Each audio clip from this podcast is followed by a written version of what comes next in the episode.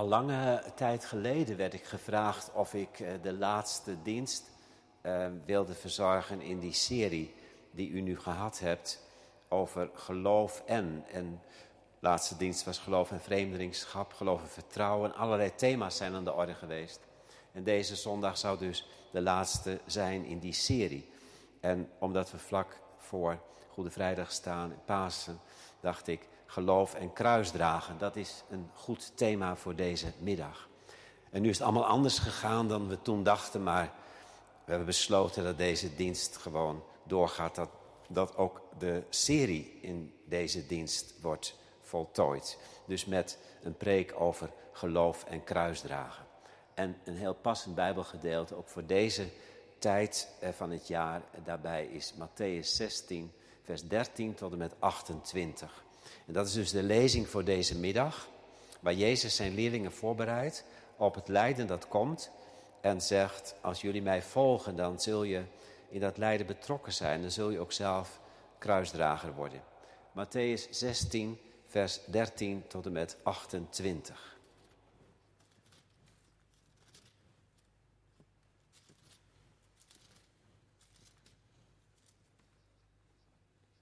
Toen Jezus gekomen was in het gebied van Caesarea Philippi, vroeg hij aan zijn discipelen: Wie zeggen de mensen dat ik de zoon des mensen ben?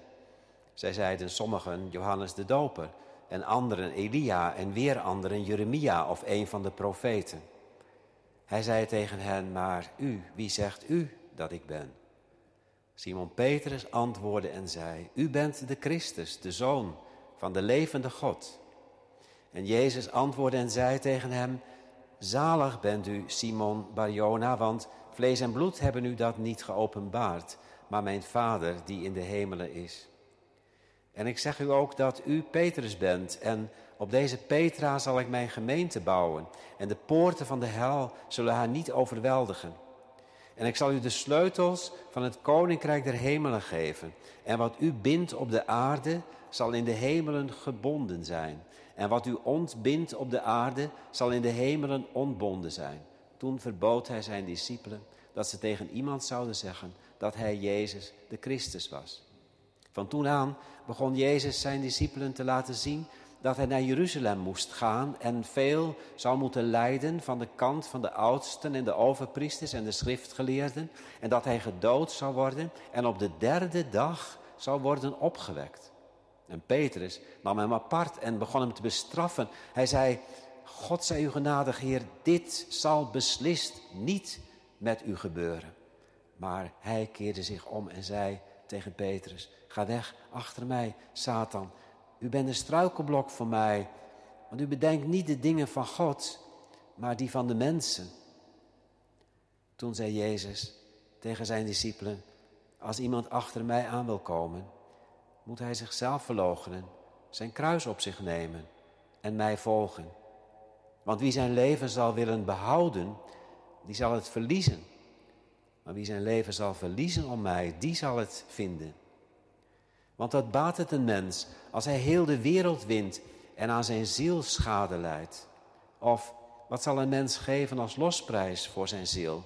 Want de zoon des mensen zal komen in de heerlijkheid van zijn vader met zijn engelen. En dan zal hij ieder vergelden naar zijn daden. Voorwaar, ik zeg u, er zijn sommigen van hen die hier staan, die de dood niet zullen proeven, voordat zij de zoon des mensen hebben zien komen in zijn koninkrijk. Tot zover de lezing. Geloof en kruisdragen is dus het thema voor deze middag. En de tekst voor de verkondiging, Matthäus 16, vers 24. Toen zei Jezus tegen zijn discipelen, als iemand achter mij aan wil komen, moet hij zichzelf verloochenen, zijn kruis opnemen en mij volgen. Zalig zijn zij die het woord van God horen en het bewaren. Een vreemde palmzondag vandaag.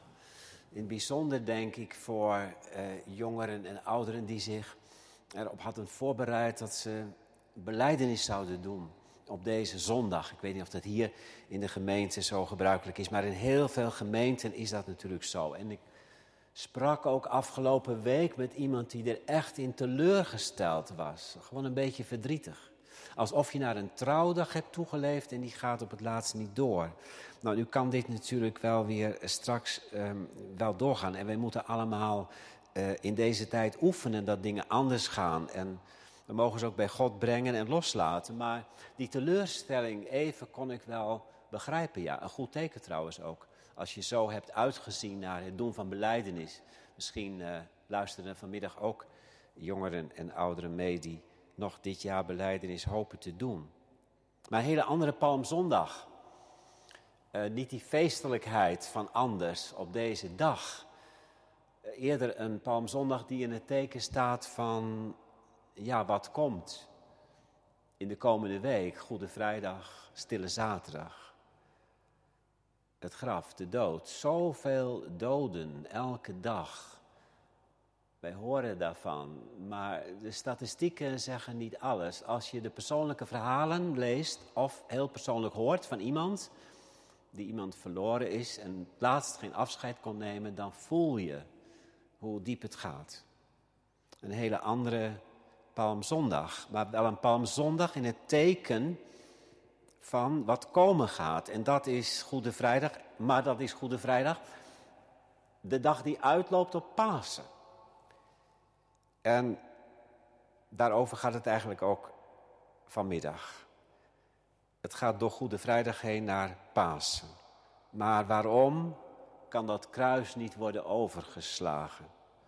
Waarom kon dat niet voor Jezus? Nou ja, daar hebben we dan soms een antwoord op vanuit de dogmatiek.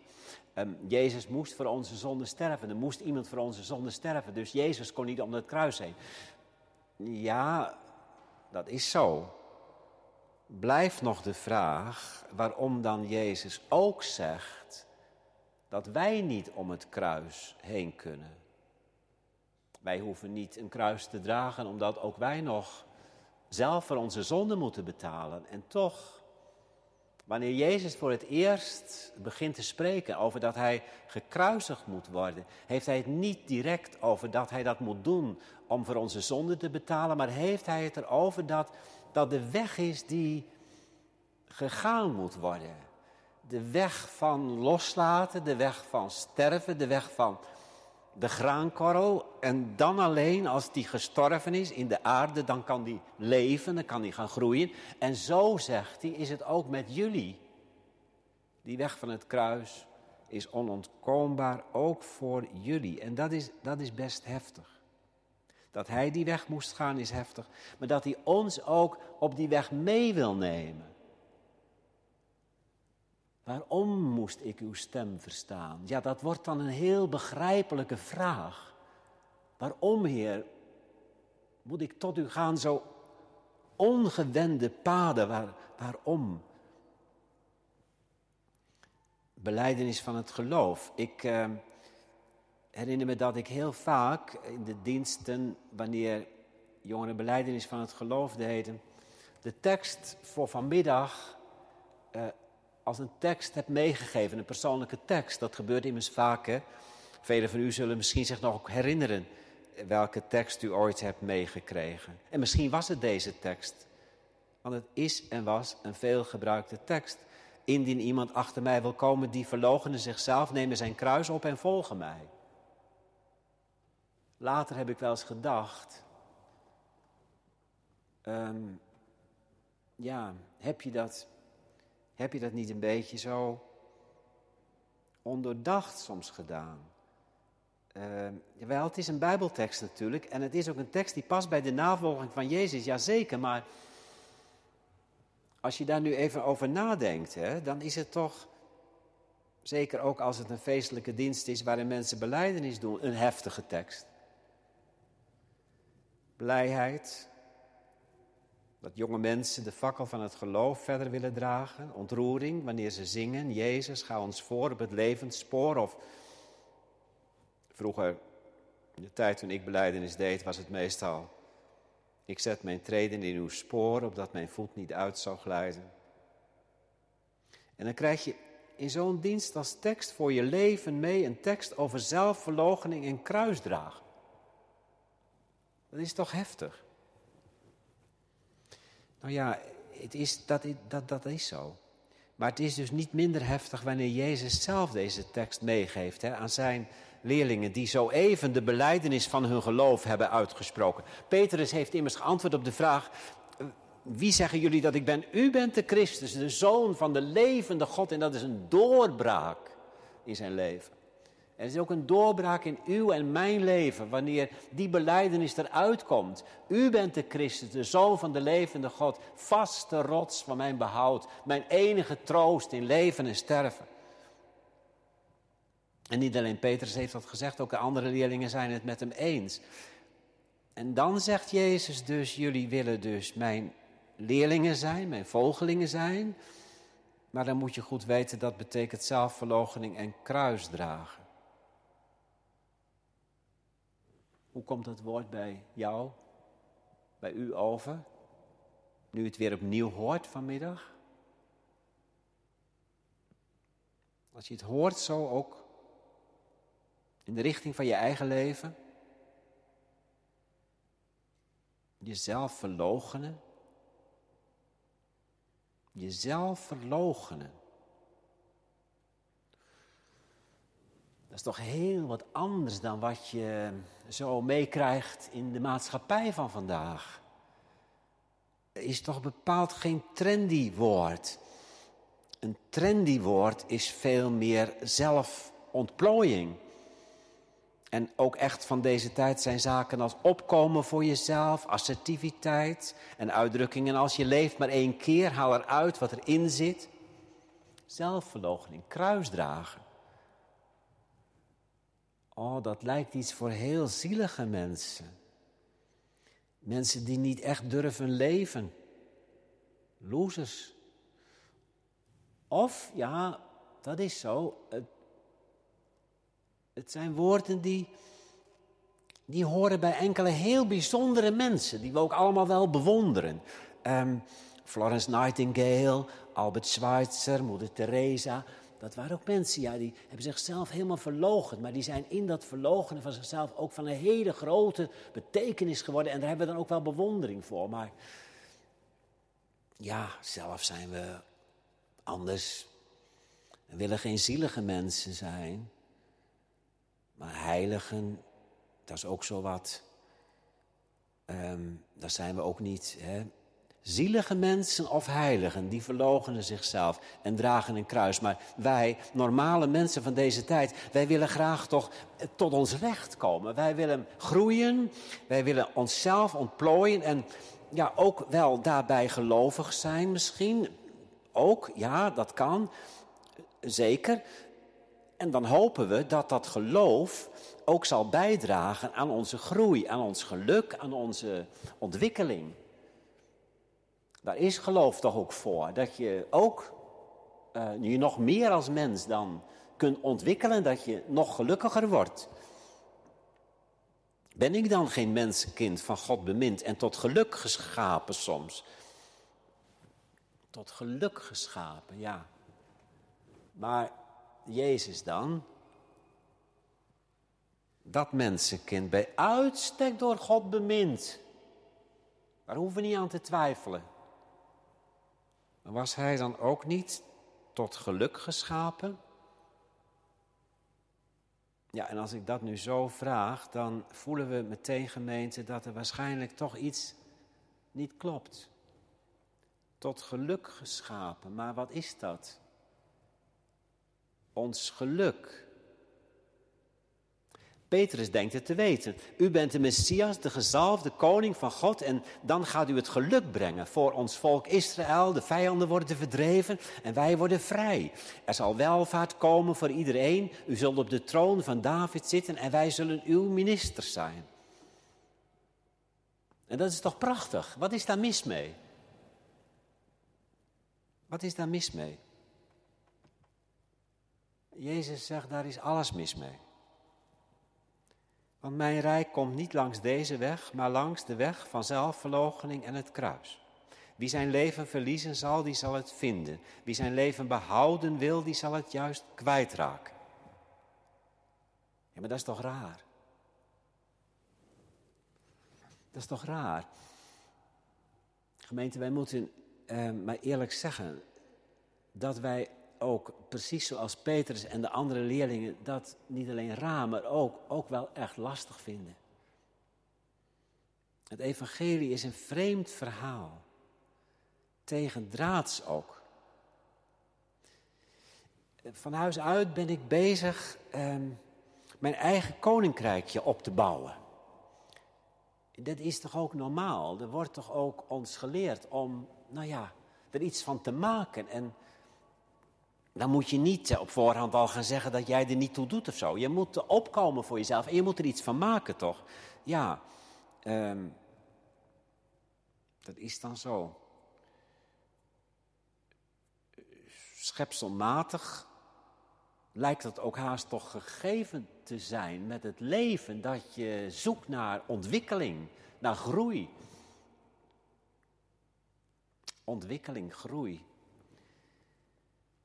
Ja, en dan wordt het dus iets van dat je als het ware een soort kasteeltje bouwt waar je dan vervolgens zelf in gaat wonen.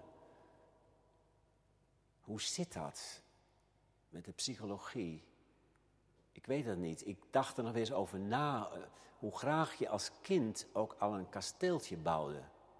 Ja, dat is natuurlijk niet fout. Dat is niet fout natuurlijk. Kasteeltje bouwen. Een, zand, ja, een zandkasteeltje inderdaad vaak op het strand.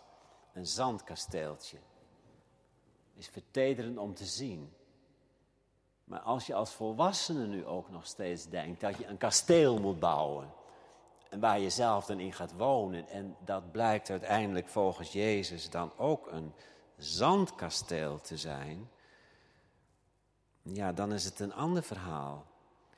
Eh, ontwikkeling, groei, ja, dat is met de schepping gegeven. Maar er zit in die schepping ook iets helemaal fout. Hè. Daar loopt een hele verkeerde draad doorheen. Want ontwikkeling, groei, dat is met de schepping gegeven. Maar dat dat dan gebruikt wordt om een soort kasteel te bouwen, een soort fort te bouwen en daar zelf dan in te gaan wonen en dan daar de regie te nemen over jouw leven, want het is jouw leven. Kijk, daarin gaat het dan in ieder geval totaal anders dan wat ooit de bedoeling was. Ehm, je eigen belangen behartigen, ja, wat is daar mis mee? Het is dan niet de bedoeling dat ik alles ga doen wat God verboden heeft. Daar ben ik helemaal niet van plan. Ik, snap ook echt wel dat, dat ik niet zomaar alles moet gaan doen wat ik zin in heb. Nee, oké. Natuurlijk moet ik ook met anderen rekening houden. En uitspattingen leiden meestal ook tot niets. Dat heb ik ertussen ook wel geleerd. Maar ik wil toch wel gewoon, ik wil toch wel gewoon aan mezelf denken. Dat is toch niet fout? Mijn geluk, mijn belang, mijn idealen, mijn carrière, mijn toekomst, mijn Daar lijkt toch weinig mis mee. Nou ja, het is alleen alles mijn. Mijn. Mijn wat de klok slaat. Mijn leven beschouw ik dan als mijn project. En ik heb recht dat op mijn manier te behartigen. En als ik geloof, dan denk ik soms, God en Jezus willen me daarbij helpen. Daar is God toch voor, daar is Jezus toch voor, om je te helpen. Om je te helpen, zodat je gelukkig wordt, tot je recht komt. Dat mag toch? En dan zet Jezus daar dus vanmiddag een grote streep doorheen. En die zegt, helaas, dat spijt me, maar dat is toch niet zo. Dat is echt een vergissing. Het is misschien wel de grote vergissing die elk mens steeds weer geneigd is te maken. En dat is dan die verkeerde draad die door de schepping heen is gaan lopen. Dat is dan zonde, ja. Jezus zegt vanmiddag tegen ons: Ik heb in ieder geval nooit zo geleefd. Ik heb nooit gedacht, mijn leven is mijn project en ik heb recht dat op mijn manier te behartigen. Totaal niet. Die verleiding heb ik wel gekend. Meteen al aan het begin van mijn loopbaan. Een stem zei: Maak van deze stenen brood. Je kunt het. Je bent toch Gods zoon. Doe het dan. Ik heb het niet gedaan, zegt Jezus. Want het zou mijn project geweest zijn, niet het project van mijn hemelse vader. Een stem zei: Doe iets spectaculairs. Spring van het dak van de tempel. God, je vader, zal je beschermen. En als je dan een volmaakte, zachte landing gemaakt zult hebben, zullen alle mensen je op de schouders dragen. en, uh, en zullen je koning maken. Maar ik heb het niet gedaan, zegt Jezus. Want het zou mijn project geweest zijn, niet het project van mijn hemelse Vader. Dit ene heb ik altijd gewild. Blijven in de liefde van mijn Vader, zijn wil doen. En dat gaat niet makkelijk. Ik heb het er nog heel erg moeilijk mee gehad, zegt Jezus. Heel erg geworsteld, weet je, weet je, weet je wel, dat ken je toch, het verhaal van Gethsemane. Uh, moet dit echt, moet dit echt, vader? Kan het niet anders? Moet het hierop uitlopen? Moet ik nu gevangen genomen worden en gedood? Als het mogelijk is, spa me ervoor. En toch niet mijn wil, maar uw wil geschieden. Waarom heeft Jezus het over zelfverloochening en kruisdragen? Niet omdat we als mens altijd maar alles over ons heen moeten laten komen. Nee, helemaal niet dat we een soort levenshouding zouden moeten hebben van. Toen maar weer, ik ben de minste wel hoor, het is wel goed en uh, ik doe er ook niet zoveel toe en zo. Dat is helemaal niet zo gezond als je dat zo zegt. Dat is helemaal de bedoeling dus ook niet. We mogen er als mens helemaal zijn. Jazeker, dat is dat schepselmatige waar ik het over had. We mogen er als mens echt helemaal zijn. We mogen ook assertief zijn. We mogen zeggen waar het op staat. We mogen het voortouw nemen. Allemaal prima. Jezus was in die zin ook niet een nietszeggende figuur die maar over zich heen liet lopen of zo. Totaal niet. Als je het in psychologische termen zou willen zeggen, dan kun je zeggen dat Jezus ook een sterke persoonlijkheid was. Zeker. Als hij zometeen de stad is binnengegaan, Jeruzalem, na deze Palmzondag, dan gaat hij daar de tempel reinigen. Dat is nogal wat. Treedt hij op? Het huis van mijn vader, ga weg jullie hier. Met al je commercie. De mensen stonden verbaasd. Hij gooide zelfs de tafels ondersteboven. Wat gaan we nu krijgen? Nee, sterke persoonlijkheid zou je kunnen zeggen. Dat is dus niet het probleem hoor, als jij iemand bent die ook uh, een sterke persoonlijkheid heeft. En dat je even goed nadenkt voordat je wat doet. En dat je kritiek hebt soms. En dat is het probleem niet, helemaal niet. Maar dat je met al je gaven en krachten,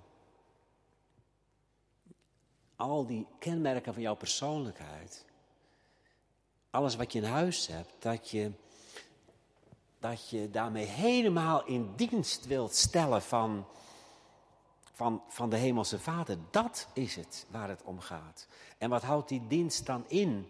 Nou ja, in één woord is dat uh, liefdedienst. Zo lief heeft God de wereld gehad. En dat is het enige echte leven. Liefde geven. Liefde geven. Nou, dat is mooi. Dus ja, daar, kan dan ook toch eigenlijk niks misgaan. Dus hoe, hoe, wat raar is dat? Indien iemand achter mij wil komen, die moet zichzelf verloochenen en zijn kruis dragen. Hoezo? Als hij, als hij liefde geeft, als dat zijn levensdevies is. Er zijn, dienen.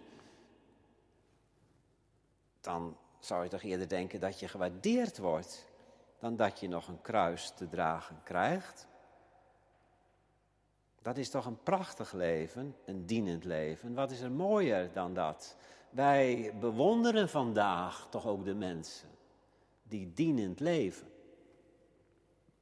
Ja, in deze dagen, dat heeft u waarschijnlijk ook getroffen, mij in ieder geval zeer. En telkens als ik weer iemand uh, hoor vertellen voor de televisie of ik lees een verhaal in de krant, wat, wat hij of zij doet nu hoe, hoe, hoe hij zij bereid is ver te gaan om de coronapatiënten nabij te zijn.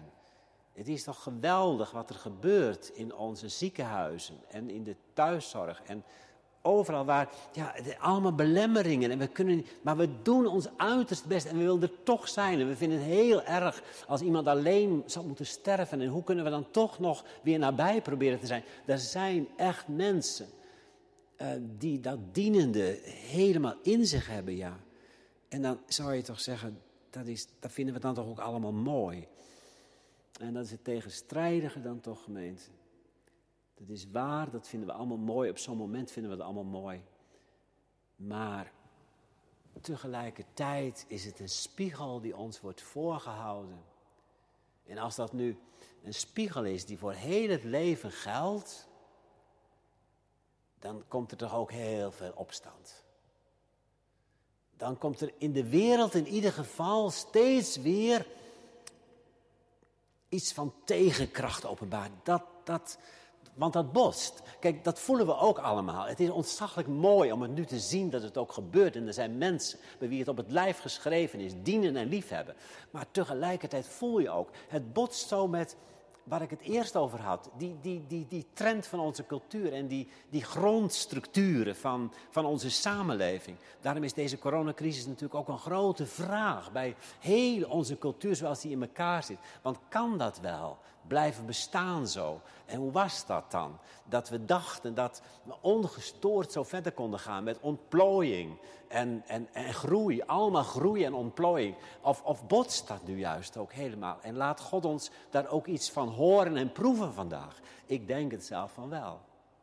Dat God ons ook hierin iets laat horen en proeven van dat andere. En dat hij ons een spiegel voorhoudt. En wie ben jij dan? En als je denkt dat dat ongeremde, ongetemde zo door kan gaan, dan ineens voel je dat is niet zo. En als je dan kijkt naar die ander, die dienend zich opoffert. Dat is een heel ander leven misschien ook dan jij tot nu toe hebt geleid. Met je behoefte aan groei en ontplooiing. En misschien is dat de weg. Ja, God wijst ons de weg in zijn woord, maar God wijst ons ook de weg in gebeurtenissen, in, in dingen die ons overkomen, in mensen van wie we schrikken of van wie we juist ons uh, afvragen hoe kan dat en wat bijzonder is dat. God spreekt op velelei wijzen. Hij spreekt doordat, doordat die groei nu zo ineens gaat kelderen. En hij spreekt ook als ik iemand zo op de televisie hoor en die zegt ik ben niet gelovig, maar ik kan niet anders op dit moment dan er zijn tot het uiterste voor, voor die mens die mij nodig heeft. Dan moeten we niet zeggen, ja, maar die gelooft dus niet. Dus God spreekt ook door zo'n getuigenis. Houd ons de spiegel voor. Diezelfde spiegel van deze middag die Jezus voorhield. Ja. Liefde geven. Dat is dus de bedoeling. Liefdedienst. Zo lief heeft God de wereld gehad. En in die navolging worden jullie geroepen. En dan, dat is mooi, ja, inderdaad. En waarom botst het dan toch? Ja, waarom botst het dan toch? Ja, om, omdat, omdat de structuren van deze wereld toch, toch anders zijn. Daar is toch echt wat misgegaan, ja. Waar we het straks over hadden met de schepping, hè? Groei, ontwikkeling, inderdaad. Maar er is iets misgegaan. Er is een vreemde draad doorheen gekomen. Dat is die draad van die verleider, die Jezus wilde verleiden. Ook voor dat succes op korte termijn. En dat is het nu juist niet. Pas wanneer je het loslaat, dan ontvang je. En niet wanneer je dat, dat zelfontplooiingsideaal wil, wil, wilt handhaven. Daar is een heel mooi boek verschenen onlangs uh, van David Brooks. Dat is in het Nederlands vertaald. David Brooks is een hoogleraar in Amerika en een uh, columnist van de New York Times.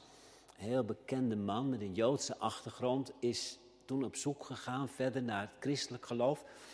Um, Zo'n hele duidelijke, beleidende christen is hij niet naar mijn idee nog, maar het is een zo'n mooi boek omdat in wat hij zoekt en waar hij uh, heen op weg is en wat hij ook in het christendom ontdekt heeft, dat is nu juist dit waar het dan vanmiddag over gaat.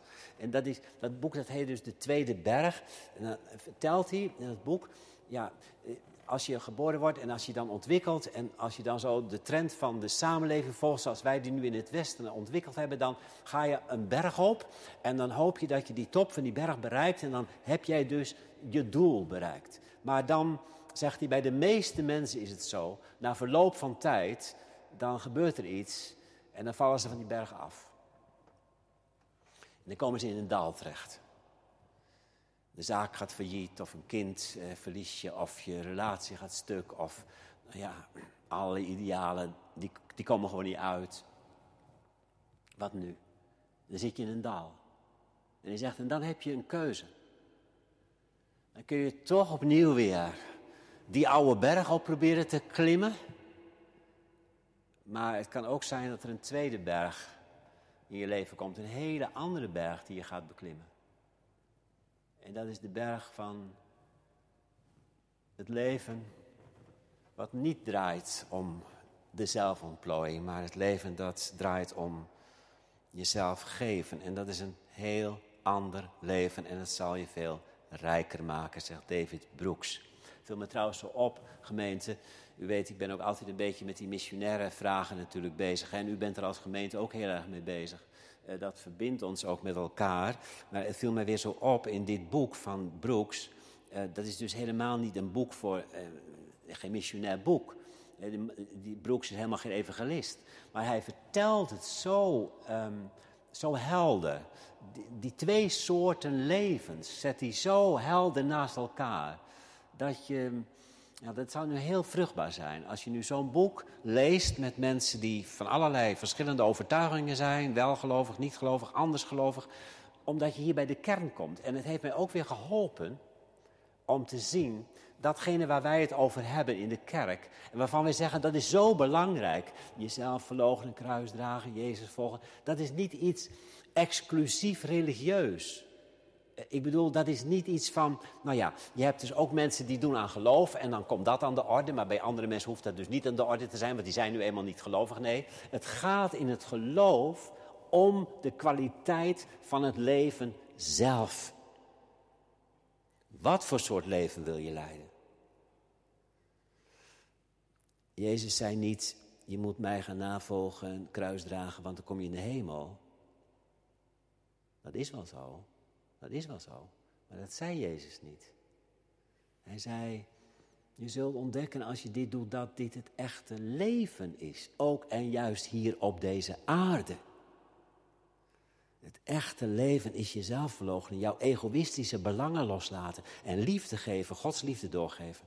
Nou, als één dat gedaan heeft, was het dus Jezus. En dan toch, ja, daar had ik het dus straks over, en daar ben ik nog een beetje in blijven hangen van, dat is dus zo mooi en dat, en dat willen we ook ergens en we bewonderen het als we het in zorg en verpleging vandaag zien en we vinden het allemaal prachtig.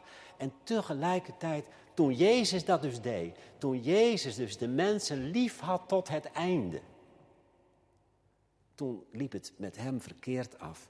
En dat is dus dat we in een wereld leven waarin die tegenkrachten zijn, die ontzettend sterk zijn.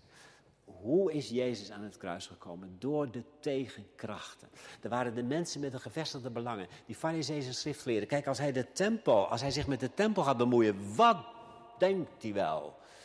Ja, en waarom ging hij zich met de tempel bemoeien? Omdat de liefdedienst aan zijn hemelse vader tekort kwam. Niet omdat hij zich zomaar met de tempel wilde bemoeien, maar God is God om gediend te worden in liefde. Je zult de Heer uw God lief hebben met heel hart. Wat zitten jullie hier te doen in de tempel? Je zit jezelf lief te hebben, je zit jezelf te spekken. Je zit niet de hemelse vader lief te hebben. Dus ja, en daar, kijk, dan komt die botsing. En dan komt die ook van die andere kant die botsing. Dan blijkt dat er allerlei belangen zijn.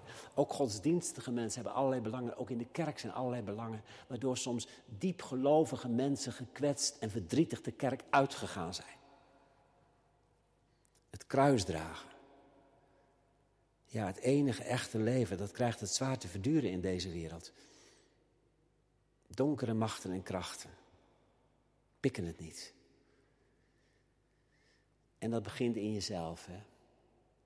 Want we kunnen het weer over de boze wereld hebben of over verkeerde mensen in de kerk die willen heersen, maar dat begint in jezelf. Want dat verhaal van die meneer Broeks over die eerste en tweede berg, dat is heel mooi. Maar ik dacht bij mezelf toen ik het gelezen had.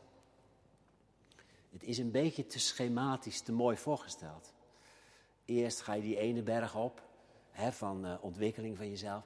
Dan komt er een grote klap, kom je daal, ga je die andere berg op van liefde. Maar zo is het toch niet. In die zin, um, ook als je die andere berg, die tweede berg opgaat, van dat hele andere leven, dan trekt die eerste manier van leven toch soms ook weer. Tenminste, ik weet niet of u er last van hebt. Misschien is er iemand die vanmiddag luistert die zegt, maar ik ben het helemaal kwijt. Ik ben dat helemaal kwijt. Dat hele gedoe van met mezelf bezig zijn, over mezelf me druk maken. En dan weer boos worden als ik niet voldoende erkenning krijg. En ik ben dat helemaal kwijt. Nou, dan, daar wil ik niet tegenspreken natuurlijk, want daar heeft God misschien zo in u gewerkt dat, u, dat, u, dat, u, dat hij een radicale opruiming heeft gehouden. En daar mag u ook wel heel erg dankbaar voor zijn. Ik denk bij de meeste mensen is het zo dat het toch ook bij jezelf weer, hè, dat je ervoor moet vechten. Dat het, dat het botst in jezelf ook. Uh, het goede dat ik wil, dat, ja, dat doe ik dan toch weer niet. En het kwade dat ik niet wil, dat doe ik dan toch weer. Dus het kruis dragen, dat is ook dat. Het begint in jezelf. Dat kruis, die kruisbalk loopt door je eigen leven heen. Um, dat is dat gevecht dat ik eerst niet zo kende, dat heb ik nu wel. En dat mensen van wie ik toch ook houd zeggen, ja maar, uh, joh, doe jij ook overdreven tegenwoordig, dat hoeft toch niet zo. Denk ook een beetje aan jezelf. Dan word ik dan door teleurgesteld. Dan denk ik, dat waren toch mijn vrienden, maar die snappen het niet. Ik raak door Jezus te volgen soms ook echt mensen kwijt van wie ik dacht dat ze mijn vrienden waren. En ik word soms tegengewerkt als ik opkom voor recht en liefde, als ik protesteer tegen zelfverrijking en gekonkel. Als ik een beetje een klokkenluider wil zijn, juist omdat ik volgeling van Jezus ben en ik het niet eerlijk vind, dan krijg ik gezeur. Als ik in deze maatschappij opkom voor zwakken, zeggen ze: doe niet zo overdreven. Ik word soms schouderophalend bejegend als ik consequent ben in mijn keuze voor Jezus. Nou ja, als het anders is, dan valt het mee. En dank God. Hè? Maar wij weten van broeders en zusters in Noord-Korea en in China en in moslimlanden natuurlijk dat het vaak helemaal niet meevalt. Kruisdragen omdat de kwade machten die hun eigen koninkrijken willen handhaven, de weg van de liefde en de weg van het recht haten. Als iemand mij wil volgen, die moet zichzelf verloochenen. Desnoods het kunnen verdragen dat alles bij zijn handen afgebroken lijkt te worden. Maar dan juist en daar juist is hij heel dicht bij mij, zegt Jezus. Daar juist is hij heel dicht bij mij. Daar waar alles bij mijn handen werd afgebroken, werd het Pasen. Er is maar één leven met toekomst, dit leven. Het leven van de liefde tot het einde toe. Ben ik een mensenkind door God bemind en tot geluk geschapen? Jazeker. Maar dit geluk zal ik alleen vinden als ik Jezus volg. Door af te sterven aan mijn streven naar geluk. Groei ik het eeuwig leven tegemoet. Amen.